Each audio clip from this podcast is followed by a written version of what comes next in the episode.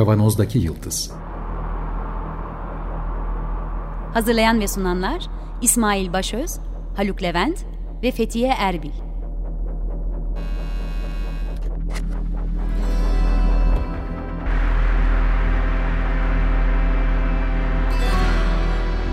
Bugünün penceresinden geleceğin ayak izleri. Merhabalar, Açık Radyo'dayız. 95.0 Kavanoz'daki Yıldız programında sizlerle beraberiz. Geleceğin ayak izlerini sürmeye devam ediyoruz. Ee, geçtiğimiz haftalarda başladığımız kişiselleştirilmiş tıp ya da bir önceki programda konuştuğumuz gibi hassas tıp diye adlandırılan e, alanda devam ediyoruz. İki hafta önceki programımızda bahsettiğimiz gibi artık konunun uzmanlarıyla konuşmaya e, başlıyoruz bugün. Doktor Ahmet Uludağ bizimle beraber. Hoş geldin.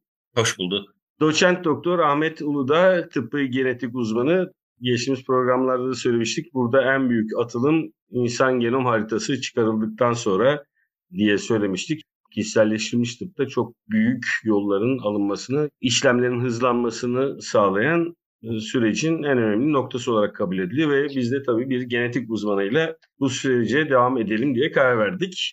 Evet, kişiselleştirilmiş tıp diye bir e, olgu var karşımızda. Ne diyoruz? Hadi açılışı senden bekleyelim o zaman. Teşekkür ederim. Evet, kişiselleştirilmiş tıp özellikle son dönemde gün geçtikçe önemi artarak bizim önümüze geliyor. Buradan kastımız aslında şu. Biz birbirimizi ayıran özellikler sadece işte kaşımız, gözümüz, boyumuz, posumuz aslında değil. Birçok metabolizma içerisinde de birbirimizi bir bizden ayıran çok fazla özellik var e, dış görünüşümüzün dışında. Bu özellikler aynı zamanda hastalıklara yatkınlığı, bir hastalık meydana geldikten sonra bu hastaya hastalığa verilen tepkiyi, iyileşme süresini, iyileşmek için kullanılan ilaçlara olan etkiyi, bunların hepsini içeren e, aslında birbirimizi bizden ayıran özellikler var. Kişiselleştirilmiş tıpta da işte en başta özelliklerimize bakarak, bir bireysel özelliklerimize bakarak hastalıklara ne boyutta yatkınlığımız var, nasıl bir yaşam stili içerisinde hangi hastalıklara daha çok maruz kalma durumumuz var. Daha sonrasında hastalık oluştuktan sonra bu hastalığa nasıl bir tepki vereceğiz? Bu hastalık ağır mı geçecek, hafif mi geçecek, orta mı geçecek? Bunların hepsi bir kişiden kişiye değişen e, durumlar. Bir tedavi aldığımızda bu tedavi e, işe yarayacak mı, yaramayacak mı, hangi düzeyde yarayacak? Bunlar da yine keza kişiselleştirilmiş tıbbın aslında başlıklarından. Yani hastalığın oluşmadan önceki durumu, hastalıkla beraber, hastalığa yatkınlıkla beraber, hastalığın meydana gelişi, yine kişiye özel durumlarla, daha sonrasında hastalığın ilerleyişi ve en sonunda da tedaviye olan yanıt aslında kişiselleştirilmiş tıbbın hep ilgi alanlarına giriyor. Biz tabii genetik olarak daha çok aslında ilk etapta duruyoruz. Yani hastalık oluşmadan önceki duruma bakıyoruz. Evet. Zaten en önemli şey de aslında bu. E, yani kesinlikle öncelikle önleme kısmı ile ilgili. Evet. Peki bu aslında bizim yani tıp fakültesinde okuduğumuz hani hastalık yoktur, hasta vardır lafı. Bu önceki bundan önceki iki programda da altını böyle kalın kalın çizerek bahsettiğim laf. Bu aslında öğrendiğimiz bir şey. Zaman içerisinde pratikte de aslında pratik ederek daha çok öğrendiğimiz bir şey. Fakat şimdi niye bu temeldeki kişiselleştirilmiş laf yani hastanın kendisine özel kısım son 15-20 senedir çok daha arttı e, artık. Daha çok gündeme gelmeye başladı. Ben bunu işte e, genom haritasına bağ, bağlamıştım ama tek bir yere bağlanmaz e, ama yol açtı diye e, konuşmuştuk. E, ama ondan önceki bakışımız, perspektifimizde de bir takım sıkıntılar vardı. Evet. E, programdan önce başlamıştım e, Batı tıbbı diye. evet. Şimdi şöyle bir durum var. Aslında dediğiniz gibi bizim mottomuz tıp fakültesinin birinci sınıfından beri hastalık yoktur, hasta vardır. Bu çok önemli bir şey. Kişiselleştirilmiş tıbbın birinci basamağı ve bu birinci basamağı aslında biz yüzyıllardır hep e, bile geldik, öğrene geldik. Ama bunu bir türlü ete kemiğe büründüremiyorduk. Evet hastalık yok hasta var mı? İşte hastalıktan bahsediyorsun. İşte örneğin grip hastalıktan bahsediyoruz. Grip yani. Ama sizde farklı gelişiyor. Bende farklı gelişiyor. Sizin burnunuz daha çok akıyor. Benimki daha az akıyor. Sizin ateş daha çok. Bende daha az gibi gibi. Bu tür özelliklerle beraber hastalıkları tanımlıyorduk. Ee, Batı tıbbının hep şöyle bir şey oldu. Yaklaşımı oldu aslında bu tür e, durumlara. Tabii belli bir yere kadar bu bir avantaj sağlıyor yaklaşım açısından. Hep bütünleyici. Hep böyle kümülatif olarak ele alıp hep yüzdelerle ifadeler verip hep standartlaştırmak, e, hastalıkları standartlaştırmak, tedavileri standartlaştırmak. Tabii ki bu belli bir aşamaya kadar çok mantıklı ve olması gereken bir şey standartları sağlayabilmek. Ama gözden kaçan bu standartlar içerisinde gözden kaçan bazı durumlar da var. Ve özellikle işin ciddiyeti arttıkça gözden kaçan bu durumların ihtiva ettiği kümülatif risk de artıyor. Mesela işte biraz önce bahsettiğim grip. Diyelim ki işte sizin özellikleriniz e, daha önceden gördüğümüz, tanımladığımız özelliklerle sizin burnunuz belki daha akıyor. Daha çok akıyor diğer toplumdaki şeyden. Yüzde diyelim ki 60'lık bir şeye giriyorsunuz siz. Yüzde 60 daha fazla burnunuz akar. Buna göre değerlendiriyorsunuz ama bu sizin için aslında çok da önemli ya da toplum için çok da önemli bir şey değil. Bu yüzde ya da bu şey yüzde 40'ın içine girmiş olmanız sizin için çok önemli değil. Ama özellikle son dönemde tedaviler ve ciddi hastalıkları olan tedaviler de e, ön plana çıktı. Hastalıkların tedavileri de daha iyi yapılmaya başladı. Böyle olunca bu hastalıklar daha önceden hep kaderle e, ve farklı boyutlarla ilişkilendiriliyordu. Örneğin kanser. Kanser olduğunu birçok insan aslında yani günümüz tıbbına kadar birçok insan kanser olduğunu bilmiyordu bile. Belli insanlar işte belli yaşlardan sonra farklı semptomlar göstererek ölüyorlardı ama bunların aslında birçoğu kanserdi. Şimdi artık kanserin tanısı koyuluyor, tedavisi veriliyor. Bu tedaviye yanıt gecikiyor, gecikmiyor, zamanında oluyor. Tekrar başka tedavilere yönleniyor gibi gibi şeyler var. Burada eğer yüzdeliklerden bahsederseniz siz, örneğin işte ben size diyorum ki yüzde yirmi sağ kalım şansınız var ama yüzde seksen de yok. Ya da işte yüzde seksen var diyelim ama yüzde yirmi de yok. Bu yüzde yirmi demek aslında sizin hayatta olmayacağınız bir yüzde yirmi demek. Yani bu yüzde bir de olabilir. Bu yüzde bir insanın hayatta kalmaması demek. Yani biraz önceki nezle grip gibi değil aslında.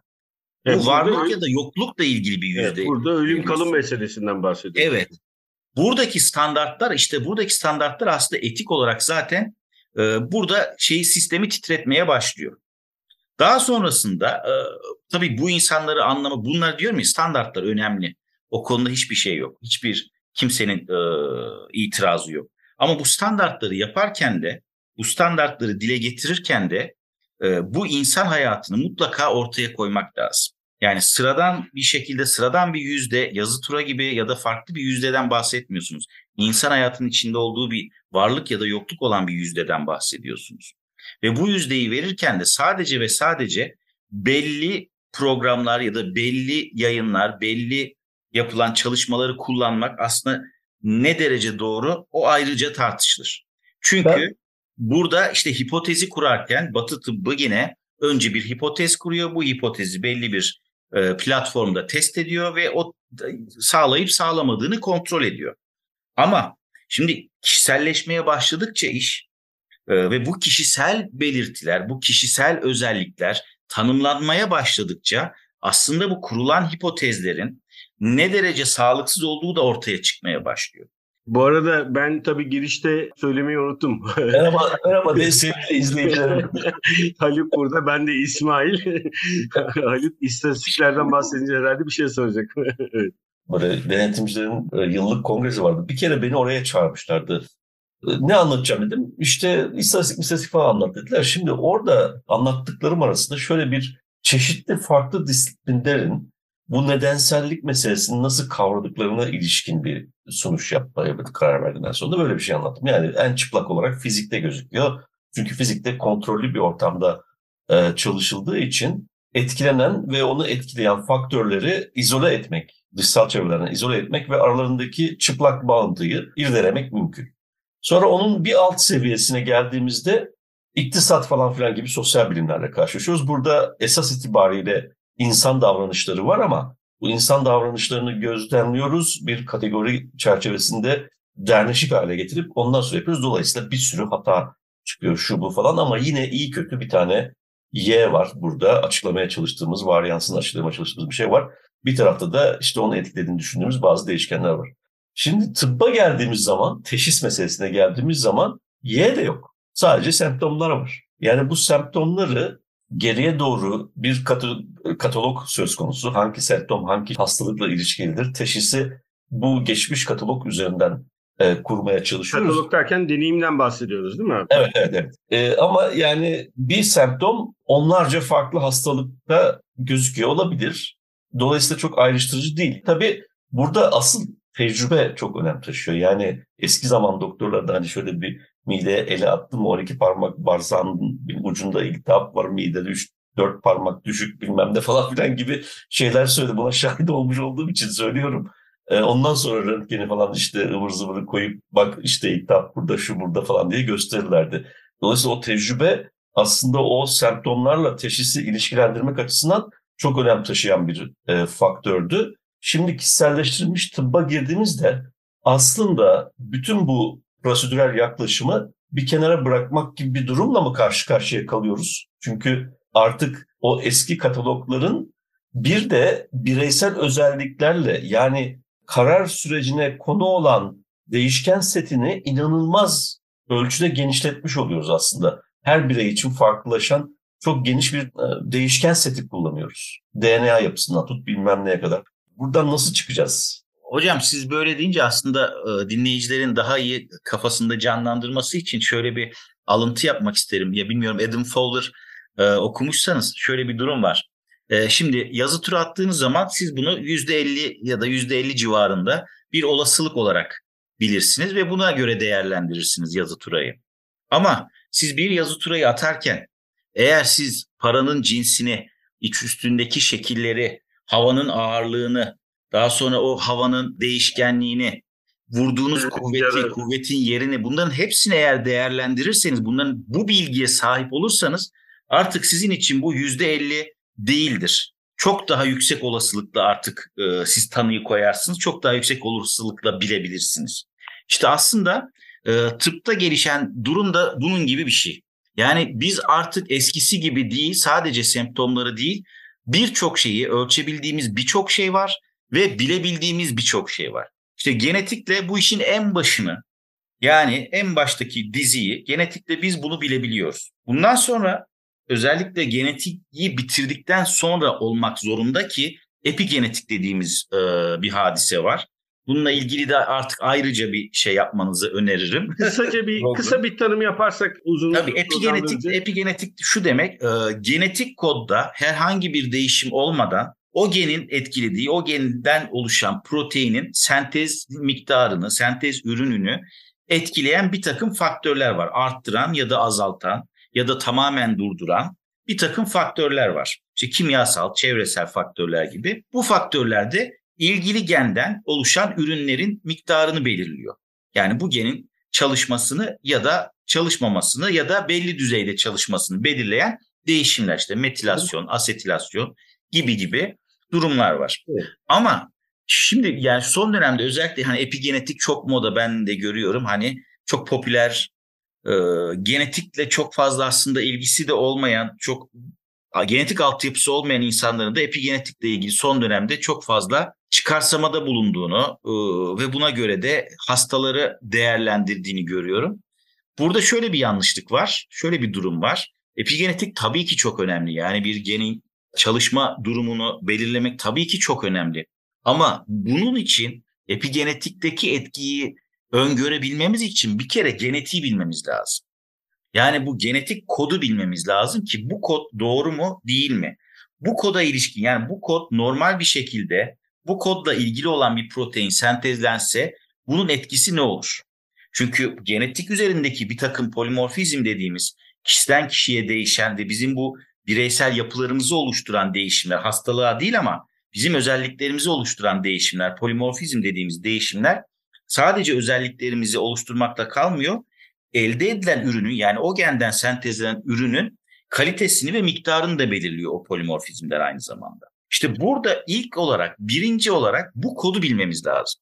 Çünkü bu biz... durumda Ahmet özür dilerim. Ee, bir gen diyelim ki bir enzimi e, aslında nedir onun adı kodluyor ve üretimine evet yol üretilmesini açıyor. sağlıyor. Enzimin herkes üretiyor aslında ama dedim evet. ki buradaki işte kalitesi, niceliği, niteliği falan değişiyor. Evet. Değil mi? Yani evet. bu farklı Aynen. farklılığı doğuran bu aslında bir yanda. Evet, bazı polimorfizmler bu proteini üretilen protein üzerinde bazı değişikliklere, farklı amino asitler gelmesine sebep olup ilgili proteinin sizden ya da benden kaynaklanan durumlarda yani benim proteinimle sizin proteininiz o zaman aynı olmuyor. Hmm. Çünkü amino asit dizileri farklı oluyor.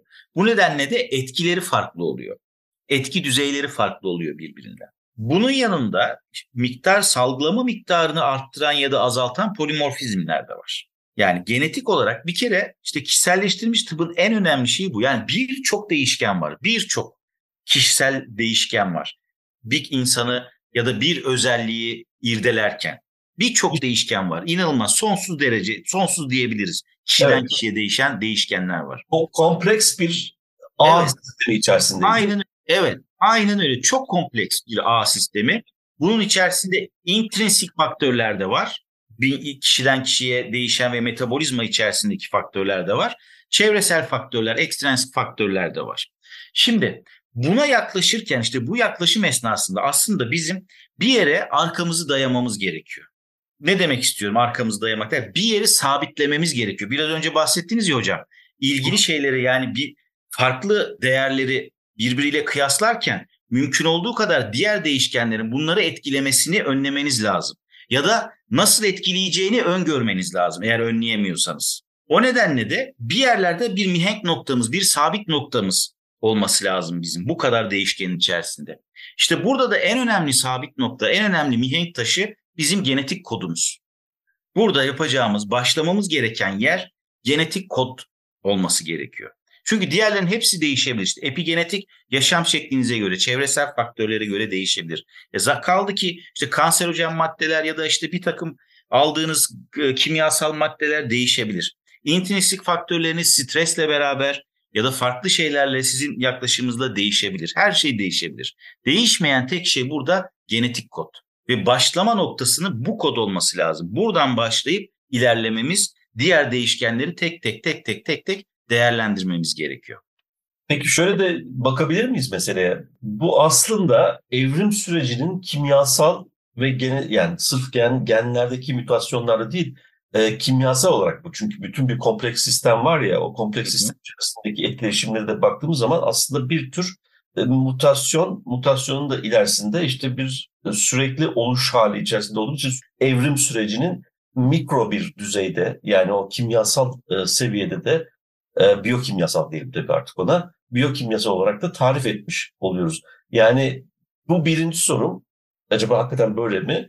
İkincisi de e, bu işte mutasyonların bir bölümü vücudun bütünlüğüne zarar veren bir şeye mesela kanserojen bir hücreye dönüşme ihtimali de ortaya çıkıyor. Ama bu herkes de e, birbirinden farklı bir kombinasyona bağlı olarak ortaya çıkabilir. Yani buradan da yola çıkarak böyle kanserin çok genel geçer bir tanımı ve genel geçer bir tedavisi olmayabilir mi diye. Kesinlikle, kesinlikle öyle. Ama şu, kanser özelinde konuşacak olursak şöyle bir şeyi değerlendirmek lazım kanserde.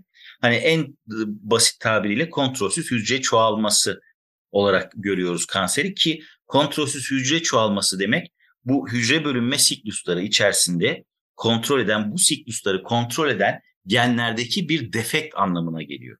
Bu defektler nedeniyle kontrolsüz hücre çoğalması oluyor. Ee, buradan bakacak olursak aslında kanser her ne çeşit faktörle meydana gelirse gelsin, ister genetik koddaki yatkınlık, ister değişiklik, yeni mutasyonlar, ister çevresel faktörler, kanserojen maruziyetiyle meydana gelsin, kanser genetik bir hastalıktır. Kalıtsal bir hastalık değildir bütün kanserler. Yani anneden babadan aktarılmaz ama meydana geldikten sonra genleri e, etkilediği için o genlerdeki bozuklukla devam ettiği için kanser etkisi meydana geliş şekli ne olursa olsun genetik bir hastalıktır. Yani gen, gen üzerinde bir hasar. Aynen öyle. E, gen üzerinde seyreden bir hasar nedeniyle olur ve gelişir ve ille ilerler. De, ille de sonrakine akt, aktarılacak evet, ille demek değildir. Bizim aktardığımız ya da bizim aktaracağımız anlamında değil kalıtsallık ayrı bir şey. Genetik ayrı bir şey. Bu çok önemli bir vurgu bence. Evet. Yani. Evet. Kalıtsal değildir. Tüm kanserler yaklaşık şu andaki bilgilerimize göre yaklaşık %15-20'si kalıtsal olarak değerlendiriyor ki bu da çok önemli bir yüzdedir. Ve gün geçtikçe de bu yüzde artıyor çünkü yeni genler, yeni mutasyonlar kansere yol açan keşfedildikçe pastadaki e, herediter kanser dilimi artıyor. Önümüzdeki süreçte daha da artacaktır muhtemelen.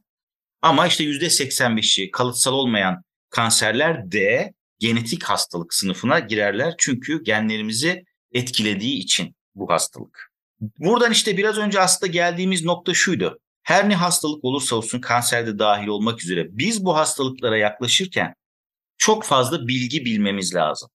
Ve bu bilgileri beraber değerlendirmemiz lazım. İşte bu değişkenlik içerisinde beraber değerlendirirken de birinci başlamamız gereken nokta aslında genetik yapımız. Bu genetik yapıyı bildikten sonra biz zaten olayın çok büyük bir kısmını çözmüş oluyoruz. Beklentimizi çok önemli bir seviyeye getirmiş oluyoruz. Yani hastalık beklentisi ya da sağlıklı yaşam beklentisi ne taraftan bakarsanız bakın çok önemli bir noktaya kadar gelmiş oluyoruz. Bundan sonra artık diğer faktörler intrinsik ve ekstrinsik diğer taraftan bunları yine bu, beklenti üzerinden genetik kodlarımız üzerinden ki işte onlar da aslında işte bugün belki e, bazı gıdaların alımı işte kanseri arttırıyor gibi düşünseniz de aslında o mekanizma da yine genler tarafından kontrol ediliyor.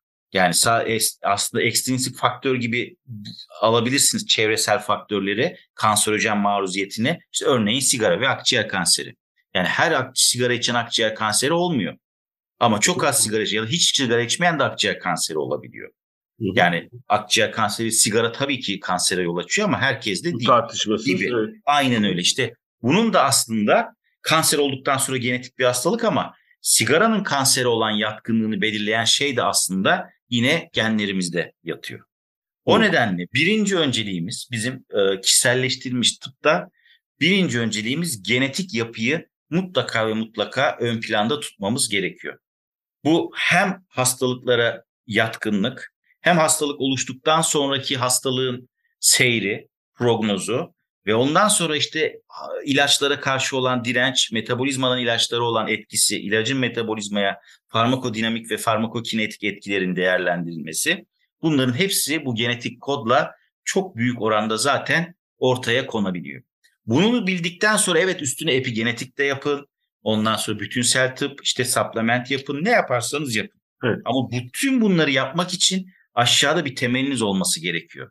Orada yani bu genetik. Sağlıklı yaşamı bir bina gibi düşünün. Bu binanın temeli genetik bilgi. Evet. Bu genetik bilgi olmadan siz supplementleri koyarsanız dengesiz koymuş olursunuz. Körlemesine koymuş olursunuz. Sağlıklı yaşamla ilgili bir takım işte egzersizleri koyarsanız o doğru koymuş olmazsınız. Kişinin kalple ilgili bir problemi var mı? Metabolizması bunu kaldırabilecek düzeyde mi? Hangi e, egzersizlerden ne tür fayda sağlar? Kolajen hakimiyeti hangi egzersizlerdeki sakatlanmaya daha açıktır? Bunların hepsini bilerek bir dizayn oturtmak en mantıklısı, en sağlıklısı. O nedenle aslında kişiselleştirilmiş tıbbın temelini bu genetik bilgi oluşturuyor. Ve Sayın Hocam hem yiyelim hem içelim sonra da kilo verelim gibi bir şey müsait mi acaba? Aslında bu her zaman zaten böyle olmak zorunda. Yani yemeden içmeden kilo verirseniz yediğiniz içtiğiniz zaman o kiloyu zaten geri alıyorsunuz. Yani. O zaman tamam geliyorum size. Şimdi ne yiyip içeceğiniz ve ne kadar yiyip içeceğiniz önemli burada. Şimdi son 5 dakikada e, bu bahsettiğiniz konularda önümüzdeki haftalarda daha detaylı konuşalım ama mesela en çok ilgi çeken laflardan biri de kişiselleştirilmiş tıpta atıyorum akıllı ilaç. Ki bunun detayını mutlaka bir programda konuşmayı planlıyoruz. Burada da yine o akıllı ilacın akılla gidebilmesi için sonucunda bizim onu güdülememiz, güdümlememiz gerekiyor ki değil mi? Yani bu konuda daha detaylı konuşacağız ama bu güdümlemeyi alabilmek için geçtiğimiz programlarda bahsettiğimiz gibi hem genomdan, genden, gen yapısından hem de diğer metabolizma, protein durumu, o sıradaki proteinlerin e, durumu, proteinomik, metabolomik gibi e, alanlarda detaylı bilgilerin alınması gerekiyor ki bize akıllı ilaç dediğimiz şey hedefine gidebilsin diye evet. Diyelim sözü sana vereyim. Son 3-4 dakikada bu konuda hafif bilgi e, verirsen bize böyle bağlayalım. Evet şimdi akıllı ilaçta özellikle kanser tedavisinde son dönemde çok ön plana çıktı. Tabii çok kısa aslında mazisi yani son derece e, hızlı ilerliyor akıllı ilaç. Yani her gün neredeyse yeni şeyler ekleniyor bunlara. E, şu anda FDA onaylı genetik tabanlı 27 tane yaklaşık şey var, e, tedavi var. Genetikle ilgili olarak, akıllı ilaç olarak söylemiyorum. Ve her gün bir yenisi geliyor. Tabii ki burada önemli olan şey yine akıllı ilaçlar için genetik testler çok önemli. Bu akıllı ilaçlar genetik testlere istinaden çünkü bu ilaçlar özellikle altta yatan spesifik e, soruna yaklaştıkları için, bunu çözmek için oluşturuldukları için bu altta yatan spesifik sorunu ki bunlar biraz önce bahsettiğimiz gibi kanserde genetik sorun bunlar. Bunları bilinebilmesi gerekiyor. Bu spesifik sorunların, spesifik e, patojen durumların bilinebilmesi gerekiyor genetik testlerle. Bunları bildikten sonra işte yeni geliştirilen ilaçlarla bunlar hastalara tedavi olarak veriliyor. Ama tabii ki bu işin aslında rutin kısmı. Bu rutin kısmı aslında bir de ARGE tarafı ya da research tarafı var. Yaptığınız her test aslında e, özellikle genetik için söyleyeyim. Yaptığınız her test sonuç bulmadığınız durumlarda bile bir anlam ifade ediyor aslında.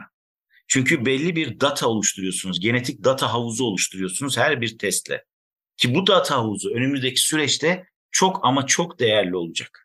Büyük burada oluşturacak büyük veriyle e, çok heyecanlı e, kısmına getirip burada bırakıyoruz. Süremiz bittiği için. Önümüzdeki haftalarda da konuşmaya devam edeceğiz. Sözümüz var değil mi? Her zaman. Tamam peki. Doktor Ahmet Uludağ'la beraberdik. Tıbbi genetik uzmanı doçent doktor Ahmet Uludağ bizimle beraberdi. Kişiselleştirilmiş tıbbı konuşmaya e, devam ettik. Önümüzdeki haftalarda da yine birlikte olacağız. Akıllı ilaçtan genetikteki e, ya da diğer bütün alanlardaki kişiselleştirilmiş tıp karşılıklarının sohbetini sürdüreceğiz. Haluk'la ben İsmail buradaydık. Çok teşekkür ediyoruz. Ben Ahmet, teşekkür ederim. Bu programı size ulaşmasını sağlayan Açık Radyo'da çalışan bütün arkadaşlarımıza çok teşekkür ediyoruz. Program destekçimize çok teşekkür ediyoruz. Önümüzdeki hafta görüşmek üzere. Hoşçakalın. Hoşçakalın. Hoşçakalın.